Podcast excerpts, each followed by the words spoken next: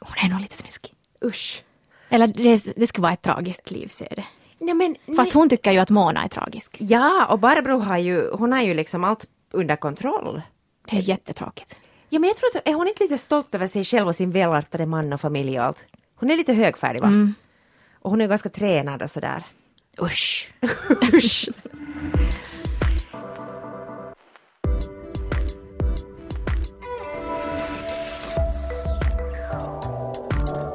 Hej och välkomna till Hietanen och Henriksson, Svenska Yles bokpodd. Här är vi igen. Idag så ska vi prata om världens vackraste man och sen en deckare. Vi har fått eh, feedback från er, tack, om att vi skulle prata lite mer om vanliga sådana deckare som inte kräver desto mera. Bara lite sådär skön slentrianläsning och det har vi också idag. Men världens vackraste man. Ida, du har läst den mycket nyligare än vad jag har gjort. Ja, eller jag har egentligen lyssnat på den. Aj! Som ljudbok. 15 timmar tog Uh. den. Men det var jättenjutbart. Varje morgon så går jag in i den där världen och varje eftermiddag när jag kommer hem från jobbet och diskar lite. Och, Hur var uppläsningen? Ehm, det, det var inte den bästa, den var sådär just sådär lite för dramatisk. Lite för mycket Oscars performance. Man, man får inte göra, göra olika röster när man läser upp en sån här ljudbok. Nej, nu kan det ju vara bra ibland. Men annars var det skönt att, skönt att lyssna på. För, för det är inte en sån berättelse där du måste höra varje ord. Den är ju jätteordrik, jätterik på, eller liksom jättemångordig. Just det, Katarina Everlöf är uppläsare. Tja, inte 100 poäng för uppläsningen men, men funkar bra som ljudbok ändå. Det är alltså Helena Ackebo som har skrivit den och hon är ju ursprungligen serietecknare och hon har gjort sig känd för att kommentera Sverige och eh, svenskar på ett ganska sådär kritiskt sätt. Att det, hon tar inte fram de här mest smickrande dragen hos människor alls. Och om man är bekant med hennes stil som tecknare så tror jag att man känner sig igen nog i den här boken också. Det handlar alltså om två systrar som reser till Mallorca och de är i övre medelåldern. Och så varvas den här berättelsen från Barbros perspektiv och sen ibland då Monas perspektiv. Och, och jag tycker att det här greppet, det är ju det är inte, alltså det är ganska enkelt grepp men det är mycket fint och funkar väldigt bra just i den här romanen. Eh, Du har säkert också tittat på The Affair. Mm. Så det är så- Några avsnitt åtminstone. Ja, så det är samma berättarteknik där man visar att hur, hur, man, hur tolkningen och minne kan spela lite spratt eller skilja sig hemskt mycket ifrån varandra. Och de här systrarna har ofta helt olika tankar om varandra och sig själv. Och, Och också vad som händer. Ja, och det är väldigt effektfullt i den här romanen. Sant. Och de kommer ju inte alls överens. De, de har ett jätteinflammerat förhållande. Så det är också ganska roligt att, att följa med hur de så småningom tvingas komma nära varandra. Lära känna varandra egentligen. En, det kan hända väldigt mycket under en vecka. Eller är de två veckor på Mallorca? Det känns som lång tid. Det känns som lång tid också för att exakt allt beskrivs i minsta detalj. Där kommer just den här hennes målande. Att hon verkligen berättar allt, alla små detaljer. Det, det, och hon har också i sitt tecknarskap att de där detaljerna är ju det som gör det. Den är 443 sidor lång och eh, handlingen kunde man skriva på tre, fyra sidor, helt sådär. Att densiteten är inte nå på det sättet tjock. Heter det så? Alltså det, men det är detaljerna som gör det. Och jag tyckte att de här detaljerna visar på jättemycket humor. Alltså jag tyckte den var så, förstås tragisk, men en jäkligt rolig bok. För att det blir som så absurt och den där, den där småaktigheten i hur vi människor kan agera och fungera. Hur, hur små saker som egentligen kan ta, överta hela vårt liv och bli det viktigaste. Och det kommer fram här sida upp och sida ner. Jag tyckte hemskt mycket det här var, eh, om det här systerskapet. Och jag tror att, att det, är, det är ganska typiskt tror jag också att det förhållandet man, man har till ett syskon kan vara väldigt, väldigt svår, svårt, fast båda vill varandra väl. Så finns det så hemskt mycket som har cementerats redan i barndomen, att man har en bild av den andra som man inte kan göra sig av med, inte ens 40 år senare eller 50 år senare, så kan man säga att men du är ju sån eller du gör alltid sådär. Och man låter inte den andra bli fri. För att man godkänner inte att det där syskonet har vuxit och förändrats. Ja, och just de där små grejerna som man blir irriterad på och så låter man dem växa i sitt eget huvud och så, så blir det liksom, så till sist så kan du inte se någonting annat än den där ena störande egenskapen. Sen tyckte jag att det var roligt att eh, det var två kvinnor i övre medelåldern som skildrades för att ofta så tycker man kanske att det är inte den mest spännande tiden i livet. Och jag har nu inte läst så jättemycket böcker där sådana skulle ha huvud huvudrollen. Och jag ser också framför det här som en film och så tycker jag redan det att, att oj vad härligt. Det kommer att bli en film med två tantadaror i huvudrollen. Vem skulle spela dem? Helst någon helt ny skådis, att det inte skulle vara de där riktigt vanliga svenska. Mm. Och just den här miljön att, att hon placerar dem på Mallorca på en sån här all inclusive ungefär. Eller nej, den är inte all inclusive för de går ut och äter på, på restaurang men, men uh, en sån här sjaskig solsemester. Och ja, det är bara så, jag vet inte vad det är som är så delikat och så fint där. För att det är ju jätte, jätte vardagligt och jätte sådär, det, det finns liksom ingenting upphöjt, ingenting mm, sådär super, det finns liksom inga jättestora känslor eller jätte äh, livsomvälvande. Nå, no, no, kanske förstås den här världens vackraste man då sen som kommer in men inte vet jag riktigt varför den heter världens vackraste man för den är bara ett litet sidospår. Känner jag. Sant, men jag tänker att Alberto, nej Albert heter han, att han är en katalysator. Som i och för sig så finns alla de här spänningarna tidigare men sen så blir det riktigt draget till sin spets när han kommer in. Men det är sant, han är ju en bifigur. Jo, men det här är, nog, det här är så vardagligt att jag kan tänka mig nog att, att någon kanske tröttnar på det, att det, för det är så ospännande som det bara kan vara. Nå, I och för sig så finns det den här kärleksrelationen, man kanske vill veta hur det går. Blir det katastrof som man då väntar sig eller blir det, blir det någon passion? Men vi pratade ju om Abramovic här tidigare och hennes eh, biografi och den världen som fanns i den boken är motsatsen till den världen som finns i den här. Här finns ingenting, som du sa tidigare, eller jag vet inte, sa du exakt så, men att det finns ingenting gudomligt eller magiskt eller... Nej, det är bara sån här diskbänksrealism. Verkligen. Usch vilket ord, men det är just vad det är just vad det är. Och vet du vad som var det värsta varför den var så effektfull för mig? För att det var också en spegel för mig själv som visar att hur jag har problem med det där att se stora helheter och jag fastnar i detaljer. Att jag kan bli helt förstörd på någon liten detalj och hur löjlig, den är ju viktig för mig själv, men hur löjlig det blir när man ser andra hålla på med samma sak. Och de här systrarna håller ju på hela tiden med petitesser och var ska de de har problem med allt. De är på semester, de ska ha roligt, men de har alltid pro vållat problem, liksom stolarna de sitter i, allting irriterar dem, allting är fel och vart ska de gå och äta? Ska de äta på hotellet? Och det, det är som att de skulle vara i helvete eller i fängelse. och så är de där på en, en semester och har ledigt och de gör det själv till ett helvete. Men samtidigt så, så ger de ju uh, betydelse åt sitt eget liv och sitt eget agerande. Att e-, egentligen så skulle det här inte behöva bli en bok, man skulle bara kunna säga att två tanter är på en solsemester. Slut, hejdå. Men eftersom de själva äh, gör allting med så stor omsorg och packar upp sina underbyxor och lägger in dem i byrålådan med en sån stor möda och så ger de ju också betydelser till de där små handlingarna.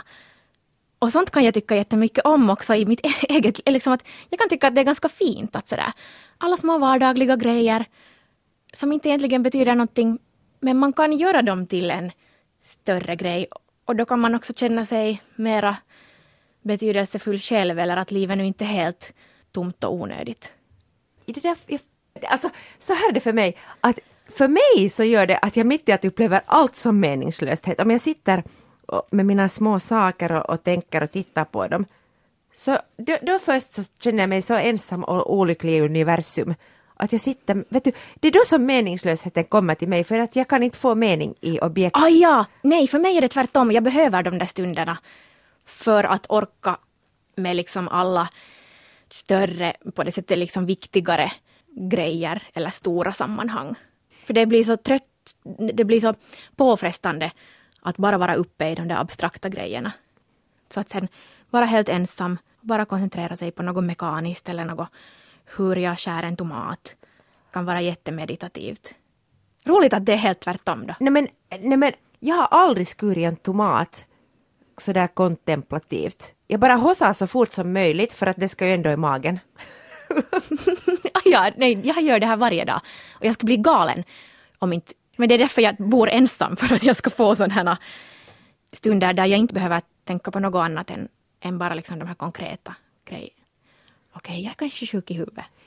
Nej, tänk om jag är sjuk. Eller är vi båda? Vet du, tänker du ibland på det här att vad du lämnar kvar när du dör och hur sorgset det kommer att se ut? Nej, men nu efter det här kommer jag att göra det. Nej, faktiskt inte så ofta. Att här är Idas skam och den här putsar hon varje kväll. Mm. Fast det har inte varit sorgset för mig, så inte bryr jag mig. Liksom. Mm. Om någon sen tycker att det är patetiskt så det är också helt okej. Okay. Då är det den tolkning. ja, ja, ja, ja, ja. Ja, men så jag upplever inte alls de här tanternas pysslande som tragiskt. Ganska komiskt ställvis. Du sa att du får njutning av det, men de här är ju aldrig glada. No, det är sant. De marrar nog jättemycket och klagar på tillvaron. Ja, vad, vad tycker de om? Vin. Det dricks mycket vin. Men det är inte heller helt oproblematiskt. Ja, de tycker om vin, men sen de har... Jag minns inte att läser någon någonting, någon kanske läser en deckare. Men de är ju inte kulturella överhuvudtaget. Jag får... Oh, jo, de läser Lena Anderssons, Nej, den här Ester Aj, Nilsson. Och hon, tycker inte, hon förstår inte alls den, hon tycker att Ester Nilsson är helt, äh, vilken irriterande typ och hon är helt dum i huvudet. Är det Barbro som läser den? Ja. ah, jo, jo, jo, jo. Men jag fick en sån här känsla av att, att okej, okay, Mona är pensionerad lärare, men att de ändå är lite så här mm, kulturellt sett underklass. Att det är lite ibland på, på gränsen till att är de bara löjliga figurer.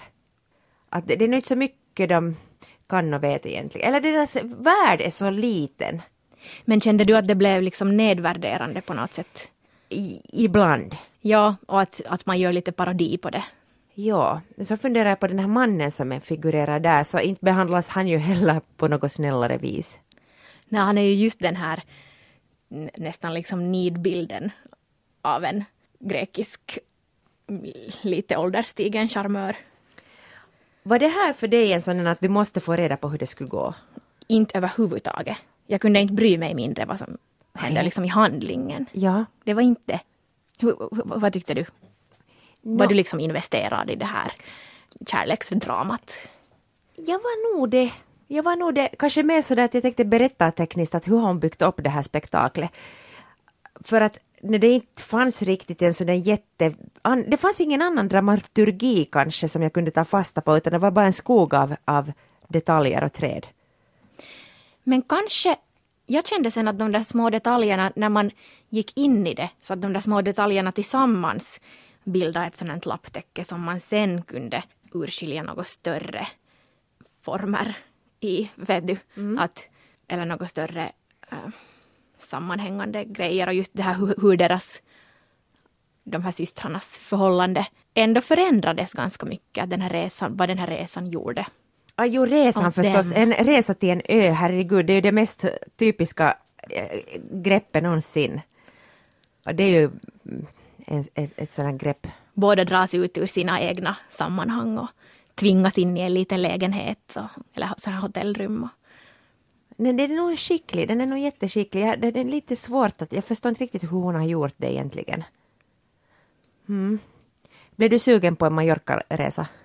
No, alltså, inte ens det är helt omöjlig, en omöjlig tanke.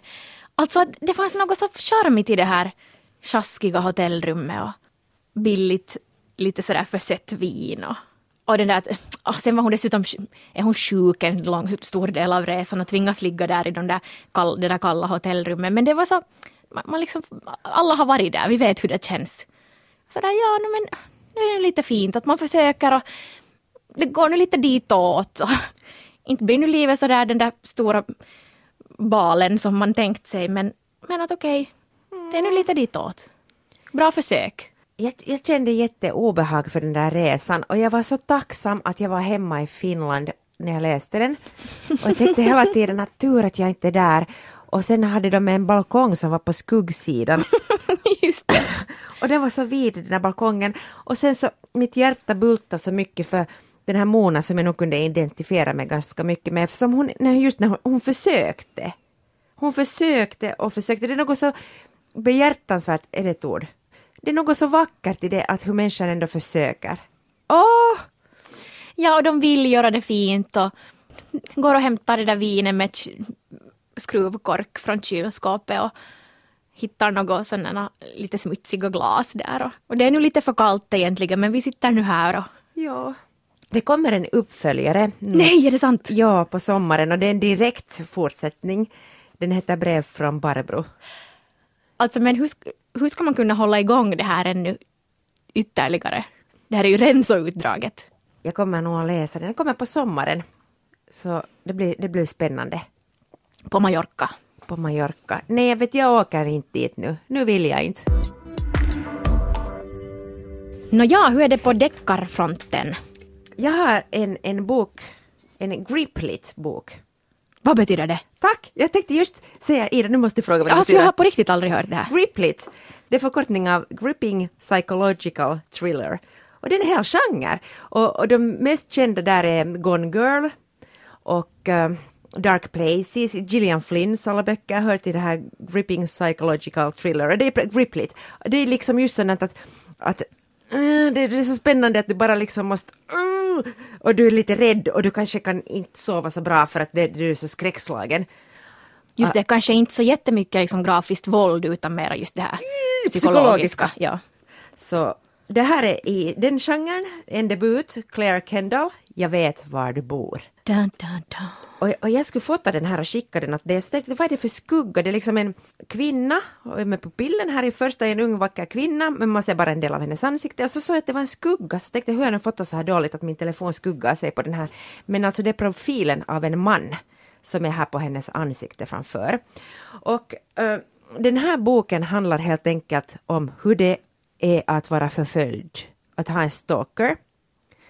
Och uh, det handlar om en kvinna som heter Clarissa och medan det här utspelar sig så gör hon en sån här juryuppdrag.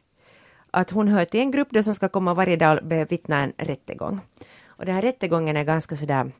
Alltså den utspelar sig då i USA? Nej! Vet du vad? Att man tydligen har det här i England också. Ah, ja. Eller har jag missuppfattat allt för att jag, det här är England? Okay. Inte visste jag att de hade... Jag trodde det var någon sån här jänkegrej, jury duty. Alltså jag kollar helt hundra gånger här att jag har nu helt fel i huvudet. Är hon nu, i vilket land är hon? Men den är nog brittisk. Okej. Okay. Mm. Så åker hon dit och, och följer den här rättegången och det är ganska spännande. Och sen så har hon då en man som hon tidigare har varit bekant med. Och de har haft samma jobb och de har en gång spenderat en natt tillsammans som, som hon var helt, att, det var kanske inte hennes drömmar men att det hände nu en natt någonting. Och det här ligger ju psykologiskt, åtminstone henne i fatet ganska mycket, att hon tänker att, att det är ju hennes fel att hon har börjat hela det här spektaklet. Och, och så blir hon förföljd och så trappas det upp hela tiden. Den är, den är, det, jag, jag läste den på fel sätt. Jag måste säga att den är helt läsvärd, man kan ge den en kväll och så här, men för mig blev den förstörd på det sättet att jag drog för starka paralleller till andra böcker som, som har sett likadana ut och haft samma omslag och vet du det här girl-tema, Gone Girl och Good Girl och allt vad de heter, Girl on a Train. Nej, det här heter ju inte ens något med girl, men i alla fall så drog jag det. Och i de här som jag nämnde så de har ofta det gemensamt, de brukar ha en opålitlig berättare och en twist som gör, svänger allt upp och ner. Och det här är nu inte att, att spoila någonting, men den här hade inte det. Så jag tänkte hela tiden att, att jag utgick från att hon berättar opålitligt, att hon inte alls har en stalker och att snart får vi höra den där stalkern som berättar att det är hon som förföljer honom. Och det blev ett sånt antiklimax när det inte var så. Så jag bara läste den på fel sätt, så läs inte den så. Ah, okej, okay. så man ska inte förvänta sig något överraskande. Men är det sådär att Nej, det finns nog överraskningar och, och det, det kommer... Det blir så man vet inte ändå vem som är mördaren på sida ett? Nej, det vet man inte. Men vet du hur fel det kan bli när man har tror att ah, ja, nu ska jag läsa en sån bok och så är det något Ja, helt ja, ja, annat. ja, jag förstår. Men jag, jag måste lite ta fasta på det där som du sa att, att hon tänker att det på något sätt är hennes, att det är hennes eget fel eftersom hon har legat med honom en gång. Mm. Det där är ju jätteintressant problematik. Eller just sån här, nu, har, är det ju en sån här hashtag som har blivit populär, eller här, äh, diskussioner om, om sex i gråtzonen och att var går nu egentligen gränsen för övergrepp? Hur, hur- mycket handlar det liksom om, om det där att, eller jag blir jätteilla till mods att inte, inte går man ju, inte ger man ju sitt medgivande till någonting annat bara för att man har sex en gång. Det, det hör absolut till den här deckaren. Men kan du ändå förklara mer det här? För att den här hashtaggen, ja, hashtaggen har börjat blomma upp överallt och man pratar hemskt mycket om den, som vi pratade här tidigare om Girls-avsnittet. Ja, men berätta det här gråtzonen, var, var, varifrån kommer det och varför har det alltid varit ett begrepp eller är det något som bara börjar komma mera nu? Jag tycker att det har nu blivit en sådan diskussion att man tar, tar upp de här berättelserna och vill föra fram, ja, föra fram sådana här berättelser där, där det inte är så tydligt att det har, handlar om samtyckessex. Utan att det finns sådana ja, gråtzoner där, där antingen då mm, de två olika parterna eller hur många det nu är som har haft sex, inte har tolkat det på samma sätt. Och att man, eller att man kanske går med på att, något speciellt som kvinna, går med på att ha sex fast man egentligen inte skulle vilja. Men sen säger man ändå att det är okej för att det finns några andra bakomliggande maktfaktorer eller vad som helst för att man vill, för att man inte vill att det ska bli gräl eller för att man tänker att man nu ska vara snäll eller det här är ju jättesvårt. Är det, men är det så att, att man gör ju hemskt mycket här i världen för att vara snäll, men blir det så att, att man måste se på sex på ett annat sätt? Det är ju liksom inte så allvarligt att städa. Hur ska jag säga nu? Inte, Ja. Att jag städar ju för att vara snäll ofta, eller, eller hmm, men att ha sex för att vara snäll. Ja, och, och då kan man sen efteråt få, ett, få en känsla av att det här har varit någon slags övergrepp. Fast man själv har sagt med sina egna läppar att det här är okej. men sen efteråt känns det ändå att det inte var okej. Så vems... Att då kanske där inte finns någon tydlig förövare. Men det ändå känns på något sätt fel och smutsigt och ja, som att det har gått över någon gräns. Det blir, jag börjar fundera, varför ska jag hitta nackdelar med allt, men jag tänker bara som en man sen då så är det på mannens eh, samvete eller liksom ska han på riktigt förhöra den här kvinnan? För att män tänker nu, eller man tänk, människor kanske inte tänker nu alltid så långt utan man tänker kanske på sig själv och sina behov. Så skulle man borde kontrollera flera gånger att är det faktiskt okej? Nå kanske det. Men sen kanske också att den där, det som jag tänker att det skulle, den där diskussionen skulle kunna leda till är att kvinnor eller andra som oftare är liksom den där utsatta parten. Alltså så är det ju. Man ska inte kategorisera, liksom, kategoriskt säga men, men liksom generellt så är det ju ändå kvinnor eller andra icke-män som är mer utsatta. Och då att de kanske skulle kunna få, eller vi skulle våga i ett tidigare skede tänka och säga, att, eller känna efter att vill jag nu verkligen det här? Istället för att bara slentrianmässigt gå med på att ligga med någon. Att det kanske inte handlar så mycket om den här diskussionen om, om liksom männens aktörskap, utan mer om det där att hur man själv känner och att också våga dra ur sig i ett, vet du, när kläderna redan har kommit bort. Just det, just det. Att då har du också rätt att säga nej. Men sen börjar jag fundera att när de där gråtzonerna, det kan ju vara nog på andra plan i livet också. Ibland så känner man ju helt enkelt hur att man gör våld på sig själv. Och då är det inte, ja, inte det är på någon annans ansvar att dubbelkolla med mig, Anne, att vill du nu det där, vill du nu det där, utan du måste ju själv kunna säga att nej, att jag vill inte. Exakt, och det självförtroende måste man stärka. Att, att det är okej att ändra sig. Just det! Men det är inte okej i så- dagens, man ska liksom, det har inte varit okej, utan man ska mena vad man säger och säga vad man vill. Ja, man nu säger- blir det ju dålig stämning om du har gått hem med någon och sen i sista sekunden är du sådär ah, tja, kanske inte sen heller. Men kanske man inte ska alls vara rädd för dålig stämning. Exakt. Eh, Jag har nu alltid, jag tycker nog hemskt illa om dålig, no, vem skulle gilla dålig stämning? Men jag tror att jag extra ogillar dålig stämning. Alltså jag har lite börjat njuta av dålig stämning för att jag är ändå alltid den där som skapar dålig stämning. För att man kan ha lite sådär The Office-blickar. Åh, vad bra! Så det blir obekvämt. Kan du lite hjälpa mig att hur jag kan träna upp det här? Nå, har du tittat på The Office? Jo, brittiska. Så, till, ja, ja, förstås. Brittiska är den riktiga. Så till exempel på ett möte så kan du säga någonting som skapar dålig stämning och sen låtsas du inte själv om det och så tittar du bara lite sådär omkring dig med sidoögat. Nu har jag faktiskt lite börjat nog bättra mig på det att jag nu för tiden så jag hade alltid tidigare ett sånt här skratt på lager. Som man kunde sätta när som helst för att mena att det var nu inte så farligt det jag sa eller vad jag gjorde. Men jag har nu testat några gånger på att lämna bort det där skrattet. Och det känns väldigt bra. Alltså det känns sådär, jag känner mig nästan mäktig. Ja, bara helt pokerface. Men tillbaka till, förlåt jag tog in, det här nu på ett, helt på ett sidospår. Mm, jag vet var du bor. Du, du läser väl en, en del deckare? Jo, jo, jag brukar ha det som sån här guilty pleasure för det, det känns, det är underligt att, att jag tycker äh, om det för att oftast är deckare sådana att jag känner att jag inte lär mig så hemskt mycket nytt. Och jag har nog, nu, har jag, nu är det så roligt att få lite ny kunskap och kunna veta något. Den här deckarna är som hamburgare för mig. Men jag läser nog en hel del och, och, och äh, känner mig kanske lite sådär smutsig men njuter nog mycket av det. Sen har jag blivit väldigt trött på så, så, nej, no, alla säger samma sak just nu, men det här våldsdeckare, som att man riktigt, riktigt gottar sig i det grovaste, mest snuskiga, smutsiga som finns och det orkar inte jag just nu med. Ja, och det är alltid kvinnor som utsätts, och det är alltid en snygg kvinna som dör i början. Och, och våldtas tusen gånger om och sen är det nu pedofili gånger tusen och extra mycket incest. Och det, det är liksom inget slut på det hela och sen är det där ännu ett massmord på där och det, det, det, blir liksom lite för äckligt. Men den här hade ingenting av det. Men inte förstår jag, den här är översatt till 20 språk eh, och har sålt helt vansinnigt mycket. Jag vet, inte riktigt varför vissa böcker får sådär, blir sådär otroligt hypade det blir lite sådär godtyckligt att vilka böcker som blir stora. Är det nu bara marknadsföring och bra agent då som, och timing eller vad är det? ja, och har inte blivit lite mera okej att deckare är inte mera sådär skämslitteratur? Åtminstone inte den värsta sorten. Ja. Så. Eller inte vet jag. Jo, jo, så är det, men jag börjar fundera, att finns det alls skämslitteratur nu för tiden? Men nu finns det ju 50 shades of No, det är verkligen, ja.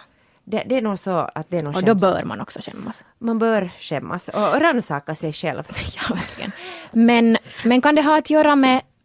Alltså jag tittar ganska mycket på sådana deckare, liksom tv-serier. Och det skäms inte jag för alls. Fast jag kanske borde. Usch! Vet du vad du har gjort med mitt liv? Alltså förlåt. Åh, jag började titta på Falk. Yes! Åh, oh, yes! Vad glad jag blir. Visst är den bra? Jo, jag kan inte sluta titta. Jag vet inte, åh. Alltså Joel Kinnaman. Han, han är ju så, han, han är ju, ser ju ganska sådär slaskig ut och, och smutsig i den här serien, men det, det, han är bra. Den är så genial och så börjar man till och med sympatisera med alla som man har hatat i början. Johan Falk och den här finns på, på Netflix. Och, ska vi det ha? bästa som finns. Ja, men varför tycker du så mycket om den? Nej, men kanske det är samma sak som när, när du läser deckare. Att man behöver inte själv investera så jättemycket. Du får en liten paus från verkligheten och ja, så här lättsmält under, ja, hamburgarunderhållning. Det, och det är totalt avkopplande. Ja. Plus att där inte heller är liksom, jag är inte så där på riktigt rädd. Att den är inte så hemsk att jag inte skulle våga titta på den ensam. Den är lite spännande, men inte för mycket. Har du några andra bra deckartips? Jag skulle kunna tänka mig att, att, att, att läsa någon deckare här så småningom. Har du läst Gillian Flynn? Nej, det har jag inte. Nej, jag skulle nästan rekommendera. Det är den här flickan på tåget. Nej, utan hon har skrivit Gone Girl. Nej, Gone Girl, just det. Ja, jag blandar alltid mellan de två.